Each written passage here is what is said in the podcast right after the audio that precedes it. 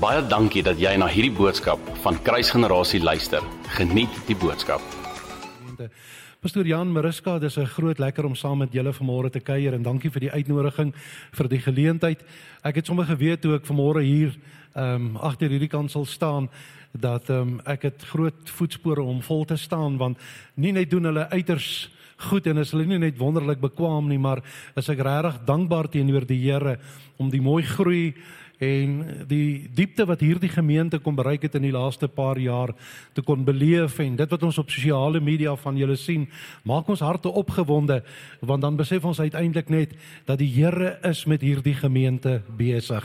Ek is opgewonde oor julle tema van die jaar, naamlik 'n jaar van beloftes en ek weet regtig dat die Here 'n waarmaker van sy woord is. Die Here sê ons moet hom herinner aan sy beloftes, ons moenie rus nie. Nie omdat hy kan vergeet nie, Dis eintlik maar net om ons geloof weer bietjie sterk te kry. Remind me on my promises, mention them one by one. En wanneer ons dit doen, kom God en wees hy 'n waarmaker van dit wat hy in ons lewens uiteindelik kom bevestig en kom plaas het. Nou, ek wil graag vanmôre ook vir die hele span en die leierskap van hierdie gemeente sê, wel dan met julle Um, pragtige fasiliteit, dit wat julle doen, die mooi veranderinge en uh, pastoor Jan, dis so lekker om te sien die koers wat julle gevat het, die drome wat julle droom oor die toekoms en daarvoor is ons die Here baie baie dankbaar saam met julle. Dis my voorreg om vanoggend die woorde van die Here aan julle te bedien en julle moet my asseblief so 'n bietjie kans gee want ek het 'n besonderse lang inleiding. Maar die lang inleiding gaan ons bring by 'n punt wat my en my gees en in my hart sommer baie opgewonde gemaak het. Ehm um, want ek het net besef dat God wil nie net met my praat nie, maar ek weet dat God dit ook vanoggend vir jou 'n woord.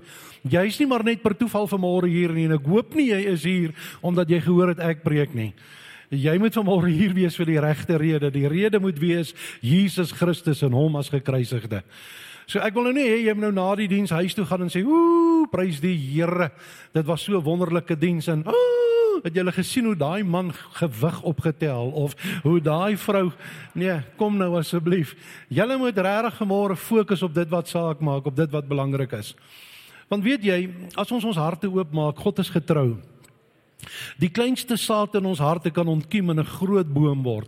En daai boom kan vrugte dra en onder daai boom kan daar koelte wees. En mag ons dan wees soos wat die psalme sê dat ons sal wees bome wat geplant is by waterstrome waarvan die vrugte en die blare nooit teleur sal stel nie.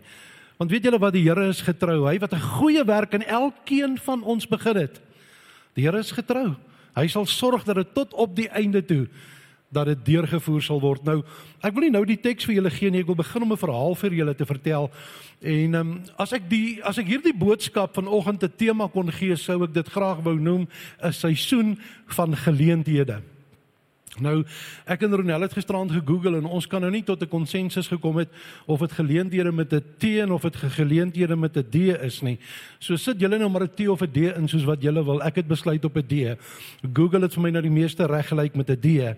Maar ek lees in hierdie week 'n verhaal van 'n 'n ongelooflike storie en mag ek net sê dat ek dink hierdie storie kan net in Suid-Afrika gebeur en dalk het iemand van julle al hierdie storie raakgeloop en inteendeel 'n ware gebeurtenis wat by die universiteit Universiteit in Kaapstad, die Geneeskundige Universiteit in Kaapstad gebeur het. En uh, hier was 'n man met die naam van meneer Nakkie Hamilton, 'n swart man wat 'n eregraad in geneeskunde, 'n doktorsgraad. Inteendeel, die ouens wat die verhaal geskryf het, sê dat dit 'n magistersgraad was wat hierdie man verdien het en wat hy gekry het terwyl hy nie eers in staat is om te kan lees of te kan skryf nie. Nou vra 'n mens vir jouself die vraag: Hoe is dit moontlik? Kyk, ek weet nie heeltemal of ek nou heeltemal bereid sal wees dat iemand wat nie kan lees of skryf aan my moet werk nie. Hy kan dalk nou net die verkeerde goed op die verkeerde plekke aanwerk of uithaal wat nou uitgehaal moet word. Dit kan dalk miskien 'n risiko wees. Maar wat hierdie verhaal so verskriklik besonder maak is dat hierdie Kaapstadse Mediese Universiteit is bekend wêreldwyd vir sy prestasies en vir die goeie dokters wat die universiteit lewer. Soveel so dat dit ook die universiteit is waar die alombekende Chris Barnard dan uiteindelik hierdie groot deurbraak gemaak het op die operasietafel waar hy die eerste hartoortplanting gedoen het, maar hierdie ere doktorsgraad word toegekend aan 'n man wat nog nooit die binnekant van 'n skool kom sien het nie. Merkwaardig. Op 'n oggend in 2003 kondig die wêreldbekende chirurg professor David Dent kondig hy aan in die universiteit se auditorium en hy sê vandag ergee ons aan iemand 'n ere doktorsgraad in medisyne ook aan iemand wat die meeste chirurge ooit in die hele wêreld opgelewer het. Nou kom ek vertel gou vir u die verhaal van hierdie buitengewone onderwyser en hierdie wonderlike chirurg wat nie eers kon lees en skryf nie en wees net so rukkie met my geduldig, dit gaan iewers by 'n punt uitkom. Nou hierdie besonderse mens het uiteindelik in 'n klein dorpie met die naam van Sanitani groot geword in 'n klein klein vissersdorpie in Kaapstad. Sy ouers was te midde van die feit dat hulle naby die see gebly het, het hulle bokke en skape opgepas en hierdie jong man het as 'n jong seun met hy 'n bokvel gedra, kaalvoet oor die berg gehardloop elke dag skool toe en uh, so het hy sy lewe daar opgegroei en daar het hy uiteindelik sy lewe kom vind saam met sy ouers en sy boeties en sy sissies. Maar op 'n dag het hierdie kind siek geword en so siek dat as gevolg van die feit dat hulle nie vir hom iets kon doen in hierdie klein dorpie nie, moes hy by die groot dorp uitkom. Maar omdat hulle nie baie verdien het nie, kon ma of pa nie saamgegaan het nie. Hulle het hierdie kind gestuur met die hoop dat hy iewerste mediese behandeling sou kon kry. Nou, toe hy in hierdie groot stad aankom, het hy besef dat hy gaan moet betaal vir 'n dokter en het hy by 'n konstruksiemaatskappy gelukkige werk gekry. En terwyl hy by hierdie konstruksiemaatskappy gewerk het, het um, hy later toe van werk verwissel en het hy by die universiteit aangesluit as 'n tuinwerker wat weekliks die tennisbane sou diens en sou skoonmaak en uiteindelik sou sorg dat alles by die universiteit as 'n tuinwerker in goeie orde sou wees. Toe dit gebeur dat hierdie man uiteindelik so getrou was in dit wat hy gedoen het dat hy almal se oë gevang het want hy was stiptelik. Hy was hardwerkend. Hy was opreg. Hy was nederig.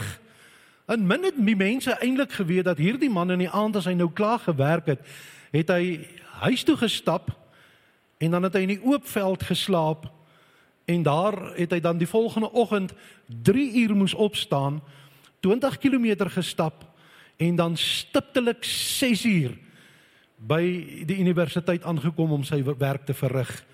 So het hy dit vir 3 jaar lank elke dag gedoen.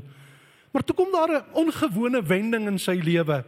Op 'n dag het 'n man met die naam van professor Robert Joyce uh by die universiteit kameelperde begin ondersoek om 'n studie te maak oor kameelperde want dit was vir hom fascinerend dat hierdie dier met hierdie vreeslike lang nek kon afbuig en water kon drink sonder dat hy volgens die mediese wetenskap en ek weet nie hoe dit werk nie, maar die ondersoek was gewees, hoe is dit moontlik dat hy kan water drink sonder om 'n aanval of 'n seizure te kry? En hy was besig gewees en hulle het hierdie kameelperd op die tafel gesit, maar hierdie kameelperd, alhoewel hy bewusteloos was, het hierdie kameelperd as gevolg van sy krag en sy grootte baie keer sy kop begin skud en dan kon hulle nie doen wat hulle doen nie. En het hierdie professor uit radeloosheid uitgestorm uit hierdie saal en hier het hy 'n man gekry wat besig was om in die tuin te werk en hy gesien hy's vry fris en hy's sterk en hy het hierdie man nader geroep en vir hom gesê kom help ons asseblief hou vas hierdie kameelperd se kop sodat ons kan doen wat ons kon doen. So het dit aangegaan en uh, hierdie professor het toe vir 'n hele paar kere hierdie man gebruik en uh, vir sommer 'n hele paar van hierdie operasies was Nakkie Hamilton naby gewees om uiteindelik hulp te verleen. Die volgende dag bel die professor hom en hy vra vir hom of hy nie maar asseblief dit 'n permanente werk wil maak nie en of hy nie nou maar die tuinvark wil verruil vir 'n laboratorium jas want hy het so goeie werk geverrig dat hy baie graag wil hê hy moet nou aansluit by die span en uh, hy het hom toe gesê ek sal dit met die grootste liefde kom doen. Maar ook het hierdie man dadelik begin beïndruk waar hy was en het hy uiteindelik so goeie werk gedoen dat ehm um, hy almal rondom hom regtig net beïndruk met sy nederigheid en en en sy manier van hoe hy met mense gewerk het en hoe hy met mense omgegaan het. En so het dit toe nou gebeur dat ehm um, hierdie man uiteindelik toe begin betrokke raak het by die mense se operasies en interessant genoeg het hulle hierdie man baie keer en ek het hierdie artikel gelees en ek het gewonder hoe op aarde kan dit wees dat so iets kan plaasvind? Maar hierdie laboratoriumassistent wat nie kan lees of kan skryf nie wat eers in die tuin gewerk het en sy vurk neergesit het en toe later kameelperdkoppe vasgehou het is toe nou hier in 'n teatersaal en het dit gebeur dat van die dokters hom net daar gehad het as 'n assistent En later het van die dokters homself begin vra om asseblief te help om sommer die mense toe te werk want ek bedoel dit was mos nou die maklikste deel van die operasie. En die artikel sê dat dit gebeur op 'n stadium dat hierdie man bykans 50 mense op 'n dag toe gewerk het na 'n operasie.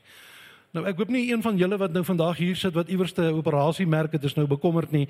Ons hoop nie dit was in Kaapstad gewees nie, maar hier het hierdie man 'n eer kom ontvang in die mediese wetenskap vir dit wat iemand nooit ooit voor hom reg gekry het nie. Twee goed nog gou vinnig oor hierdie man en dan is my inleiding verby. Dit was ook interessant geweest dat hierdie Nakkie Hamilton het op 'n stadium as gevolg van sy betrokkeheid by elke operasie waar hy dan nou die assistent was en hier gehelp het, het hy soveel geleer uit die hoeveelheid jare wat hy daar betrokke was dat hy toe later begin het om vir die jong chirurge wat klaar gemaak het by die universiteit te kom vertel wat hulle moet doen en hoe hulle dit moet doen want hy het die praktiese deel van die operasies gesien. En op 'n tyd gebeur dit dat daar 'n verskriklike interessante uh iets gebeur en dit is uiteindelik as 'n mens daaroor vandag gaan dink dan wonder jy net hoe kan so iets moontlik wees maar dis wat gebeur het. Hulle was besig gewees met leweroperasies met leweroorplantings en toe het hy vir hulle 'n slagaar uitgewys wat toe die hele mediese wetenskap omver gegooi het en elke persoon in die geskiedenis van daar of tot vandag toe wat iewerste 'n leweroperasie ondergaan het dan uiteindelik van hierdie prosedure kom kry wat hierdie man wat nie kon lees of kon skryf nie aan hulle uitgewys het. 'n merkwaardige prestasie.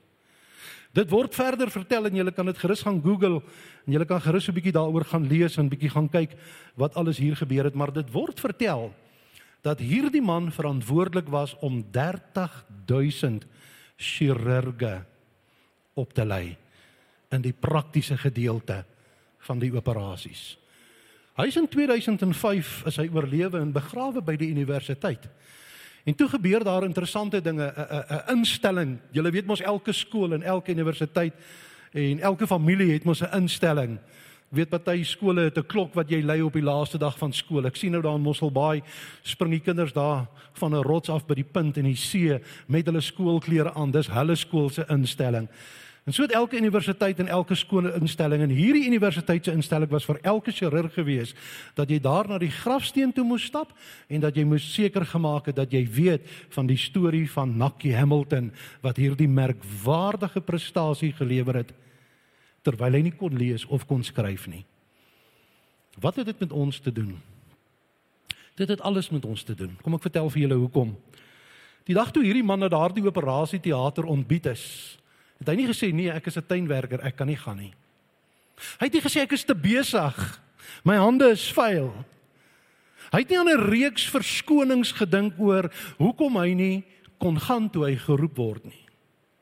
Hierdie man het uiteindelik baie ure se harde werk ingesit en baie meer gedoen as wat vir hom gevra is. In bittermin mense het van sy opoffering geweet terwyl hy so ver moes stap om by die universiteit te kom terwyl hy uiteindelik 'n baie arm lewe gelei het op 'n tuinwerker se salaris, het hy nie gekla oor die ekstra ure en oor die ekstra myl en oor die ekstra wat hy in sy lewe moes doen nie. Ek kom agter in die tyd waarin ons op die oomblik in Suid-Afrika en die seisoen waarin ons is, almal van ons wat hier staan of sit, gebeur dit baie maklik dat ons so oorweldig word deur hierdie COVID ding en oor hierdie goed wat in ons land aan die gang is en die korrupsie en die agteruitgang en ons ons word so maklik oorweldig deur so baie goed waarmee ons elke dag te doen het dat ons mismoedig word. Dis 'n baie lelike ding as 'n mens mismoedig word. En dis baie lelik as 'n mens uiteindelik so mismoedig word dat jy naderhand voel die lewe het nie meer sin nie. Hier is 'n man van tuinwerker na chirurg met 'n ere doktorsgraad gevorder. Jy sien wat gebeur het in hierdie man se lewe is dat hy het nie die geleentheid wat na hom toe gekom het want ek weet dit was nie in sy wildste drome dat hy eendag 'n ere doktorsgraad sou verwerf nie. Dit was nie sy droom nie. Dit was nie in sy dit was nie in sy beplanning nie want as dit in sy beplanning was, het hy gaan probeer om te studeer, het hy gaan probeer om te leer, maar hy het net geweet dat hy moet maar net dit wat hy doen, moet hy goed doen en hy moet hy aanhou doen en hy sal beloon word. My Bybel sê dat God is 'n beloner vir die wat na hom soek. As ons in alle opregtheid na die Here toe gaan, en ons bereid is om hard te werk, dan wil ek vir u sê dis soos goeie saad in die grond. Dit kan nie anders nie. Dit moet iewers ontkiem en dit moet iewers te opgroei. As die boer na die weer kyk en besluit hierdie gaan 'n droë jaar wees en nie saad saai nie, sal hy as hy die ander boere sien die mielies oes, sal hy baie hartseer wees omdat hy na die weer gekyk het en dalk na stories geluister het. Geloof vra dat ons die dinge wat ons nie sien nie dat ons dit nie sal probeer verklaar of uitredeneer nie. Maar geloof sê die woord van die Here in Hebreërs is dan juis hierdie vaste vertroue op die dinge wat ons hoop. Al kan ons dit nie sien nie. Ek is bekommerd as ek na ons algemene bevolking vandag kyk Suid-Afrika se mense het hooplose mense geword. Ons bestaan het ons leef nie meer nie En die ergste van alles is ons sien nie meer geleenthede raak nie, want ons is onseker oor die dag van môre. Kan julle glo as ek vandag vir julle kom sê dat God gee aan ons eweveel, almal elkeen hier, oud en jonk, man en vrou, seun en dogter, kom gee die Here geleenthede elke dag. Maar ons is so vol verskonings oor hoekom ons nie kan nie. Ons het soveel redes van waarom ons nie wil nie. Ons sit met soveel bagasie van die ou stikkend en die seer van die verlede dat ons baie keer vergeet om te kyk en te sien dat daar geleenthede is. Daar is deure wat oop staan. Daar is geleenthede wat op jou wag, 'n geleentheid om 'n beter mens te wees, 'n geleentheid om te verrys in 'n samelewing wat korrup en stikkend is, 'n geleentheid om op te staan en 'n verskil vir die Here te maak in jou werkplek, in jou omgewing, in jou situasies. Daar is baie werklose mense vandag wat misluk vir een rede omdat hulle na 'n werk gesoek het en nie na 'n geleentheid nie. Jy sien dis goed om te werk. Maar as jy die geleentheid in jou werk sien, dan doen jy jou werk met 'n ander soort van gesindheid. Ons sit almal vandag hier en ons het almal geleenthede wat ons pad langs kom. En baie kere laat ons dit by ons verbygaan want ons sien nie die saad as 'n appel wat kan word nie. Ons sien nie die geleentheid as iets wat kan wees nie. In die Engels praat hulle van opportunities. En ek wil vandag glo, vriende, dat ons moet ophou sug en kla oor dit wat ons is en het en wat ons beleef en ons moet te midde van 'n donker, duister wêreld om ons, moet ons soos Paulus uitroep in Efesiërs 5 en ons moet kom sê die volgende. Luister gou na hierdie is my teks as jy dit wil neerskryf. Efesiërs 5 vers 15 en 16 sê en ek het uit 'n nuwe vertaler gelees wat sê wees baie versigtig hoe jy lewe. Die Bybel sê nie soos onverstandiges nie. Maar soos verstandiges maak die beste gebruik van elke geleentheid. Dis wat die woord van die Here sê. En dan sê hy want ons lewe in 'n goddelose tyd. Die Bybel sê in die ou vertaling koop die tyd uit want die dae waarin jy lewe is boos. Almal kan dit sien, almal kan dit getuig. Leef soos mense wat weet wat in hierdie dag glo dat God uiteindelik van ons almal 'n sinvolle lewe verwag. En al kan ons niks daarvan verstaan of al weet ons nie nou daarvan nie, moet nie jou tyd mors op dinge wat uiteindelik geen ewigheidswaarde het nie. Vriende, maak die beste gebruik van elke geleentheid wat jy kry want die Bybel sê ons lewe in slegte tye en uiteindelik sê die Bybel dus die verstandiges Die ouens wat iewers in hulle lewe gaan kom. Die ouens wat iewers sukses gaan smaak. Dis daardie mense wat die geleenthede sien en dit gryp. Paulus skryf hier nie vir ongelowige mense nie. As jy in vers 8 gaan lees, dan sal jy sien dat hy sê: "Vroer was julle in die duisternis, maar nou is julle in die Here en is julle in die lig." So met ander woorde, hierdie teksgedeelte in Efesiërs 5 het juis te doen met gelowige mense, kerkmense, mense soos ek en jy wat vanoggend hier sit. En wat wat Paulus dus vir die gelowiges hier kom sê, is baie baie belangrik. Christen wees en die regte gebruik van jou tyd is uiteindelik twee kante van die muntstuk. Dit is nie dit is nie opsioneel nie. Hy sê ons kan gewoon nie sê dat ons kinders van die Here is nie, maar ons mors ons tyd en ons sien nie die geleenthede in ons lewens raak nie. Jy is dalk op 'n plek in jou lewe waarin alles vir jou afgestomp geraak het. Daar's niks wat jou eintlik meer opgewonde maak nie. Weet julle wat is die sleg van die afgelope 2 jaar? Dat selfs die dood uiteindelik nie meer vir ons so vreemd is nie. Want daagliks sterf mense om ons. Ons probeer onsself beskerm om afgestomp te bly en uiteindelik nie te veel emosioneel betrokke te raak nie want want hierdie goed vang ons so dat ons uiteindelik so diep daardeur geraak word dat ons partykeer vergeet te midde van dit wat ons beleef om ons het ons steeds 'n verantwoordelikheid om te leef leef Ons kan nie sê dat ons Christene is, maar ons gebruik nie die geleenthede wat die Here aan ons kom gee nie. Daar is 'n ou bekende Latynse spreekwoord, baie van julle ken die woord, die woord wat sê carpe diem, wat uiteindelik net beteken kom gryp die dag, gryp die geleenthede. Pastoor, waarvan praat jy van watse geleenthede? Jy sien jy kan jou geleenthede vandag kom gebruik om 'n beter getuienis te wees, om 'n beter man vir jou vrou te wees, om 'n beter vrou vir jou man te wees, om 'n beter ouer vir jou kinders te wees. Kom ons gebruik dit wat God in ons hande gesit het.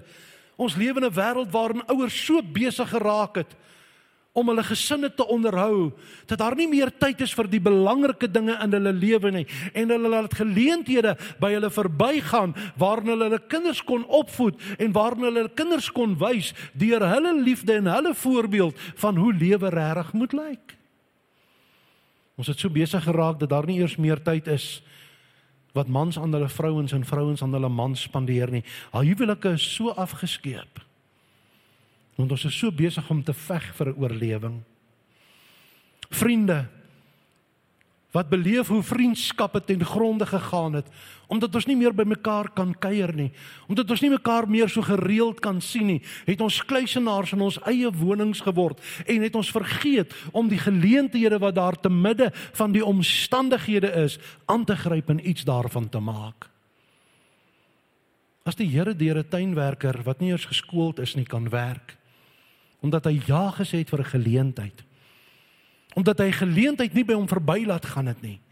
Hoeveel te meer kan die Here vandag vir jou doen wat sy kind is? Daar is geleenthede op die horison en die feit dat jy vandag hier sit is 'n bewys daarvan dat God met jou besig is en in jou werk, maar ek pleit vandag by jou, moenie dat daar een geleentheid by jou verbygaan waarin jy 'n verskil kan maak in die dag waarin jy leef nie nie net 'n verskil in jou eie lewe nie, maar ook 'n verskil in jou gesin, in jou werksomstandighede. Wat vir my so uitstaan van Nakkie Hamilton is sy opregtheid, sy nederigheid, sy toegewydheid en sy bereidheid om hard te werk sonder om op die uitkyk te wees vir wat die beloning eendag gaan wees. Nooit in sy wildste drome sou hy dink dat daar 'n dag sou wees dat die universiteit aan hom 'n ere doktorsgraad sou toeken nie. Maar weet jy wat? Hy het gewerk en sy oë gehou op dit wat voor hom was en sy heel beste gegee. Baie mense het in hierdie tyd hulle werk verloor. Baie mense moet met minder klaar kom. Baie mense se lewens en lewensstandaard lyk anders as 5 jaar terug. Baie mense het minder waarna hulle uitsien as hulle na môre en oor môre kyk. Almal is so op 'n op 'n hold Almal is so in afwagting van wat gaan gebeur. Gaan dit ooit weer normaal word? Kan ek vir jou vandag kom sê, kyk net sommer hier naby om jou want 'n huwelik en kinders en vriende En 'n gemeente soos hierdie, dit alles is geleenthede vanuit die hemel wat die Here jou gee om te geniet. Die beste daarvan te maak.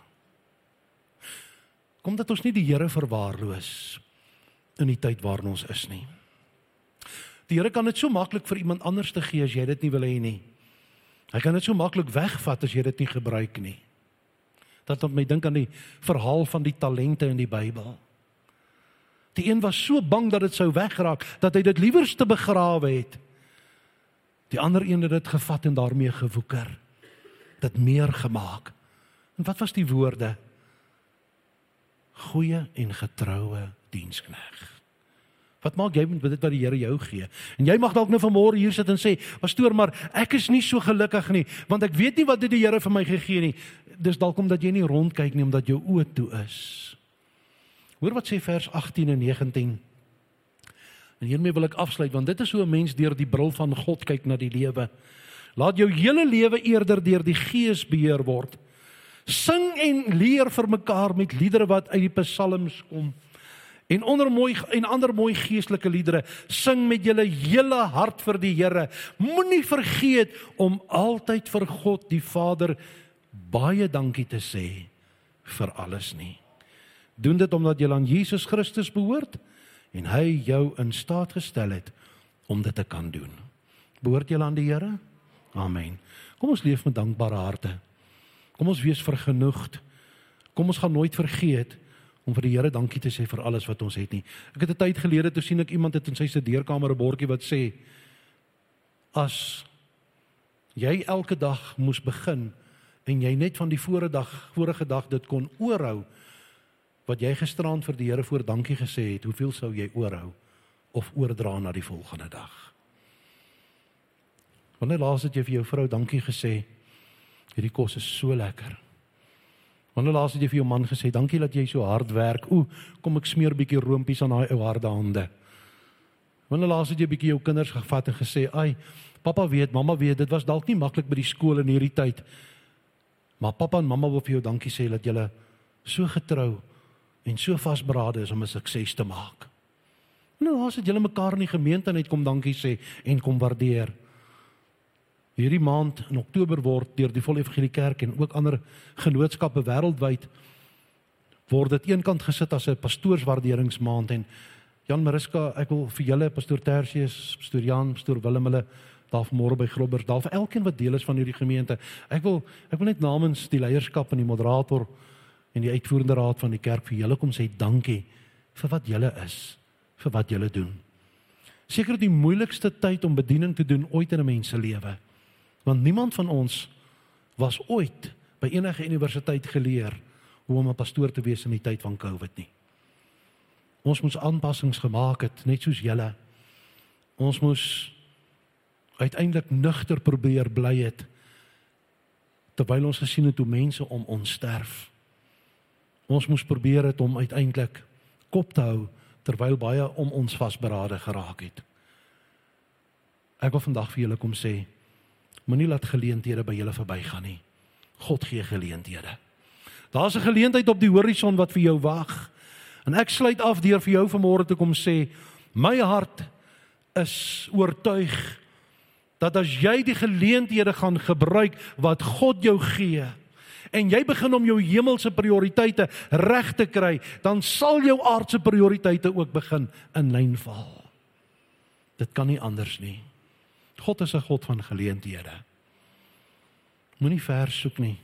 Begin om buite die boks dalk bietjie te dink. Ek gesels nou die dag met iemand wat in die tyd van COVID daar 'n plekkie met die naam van Klawer en Clan William drie gemeentes geplant het in die tyd van COVID. Toe vra ek, "Hoe kry jy dit reg? Ander gemeentes sukkel om te oorleef." En toe hierdie man sy getuienis vir my gee, toe besef ek net hy het geleenthede gesien in die goed wat gelyk het asof daar hier niks kan gebeur nie. Moenie dat die duiwel julle beroof van geleenthede sien nie. Daar is geleenthede vir 'n nuwe werk. Daar is geleenthede vir 'n nuwe liefde. Daar is geleenthede vir beter omstandighede. Daar is geleenthede vir jou kinders, ongeag wat die wêreld in die koerant sê. God is ons bron. God is ons bron. Die Here is die een wat vir ons sorg. Waarom sal ek bekommerd wees oor môre? As die jaggelse van die veld wat nie saai nie en hulle maai ook nie, as hulle nie bekommerd is nie. As daardie voeltjie in die nes terwyl daardie stormwind sy riet heen en weer waai of die tak van daardie boom heen en weer waai, nie bekommerd is oor môre nie, waarom sal ek en jy die kroon van sy skepping bekommerd wees oor môre? Ek wil hê jy moet vanmôre net dit vir jouself sê. Wees bly want God sorg vir my. Wees bly.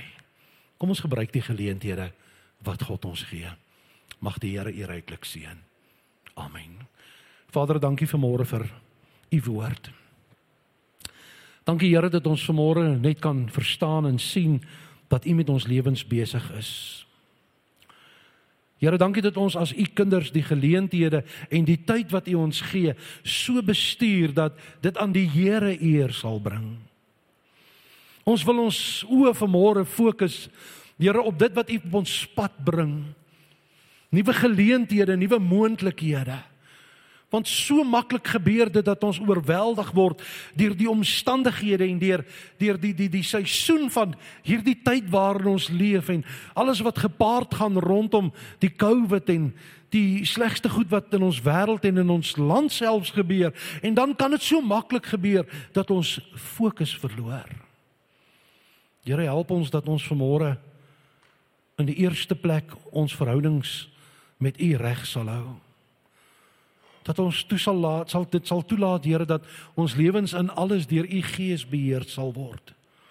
Dat ons voortdurend na u wil sal soek en sal vra want ons weet Here dat ons dan die geleenthede sal kom raak sien wat u op ons pad bring.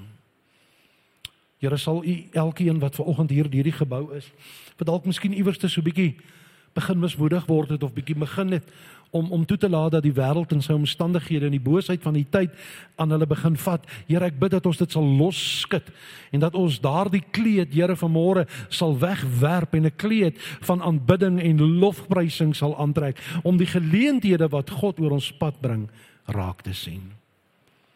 Dankie dat u woord vanmôre met ons gepraat het, Here. Wees u asseblief dan ook die naprediker van u woord in Jesus se mooi en kosbare naam. Amen. Dankie dat jy na hierdie podcast geluister het. Indien jy die boodskap geniet het, deel hom asseblief met jou vriende.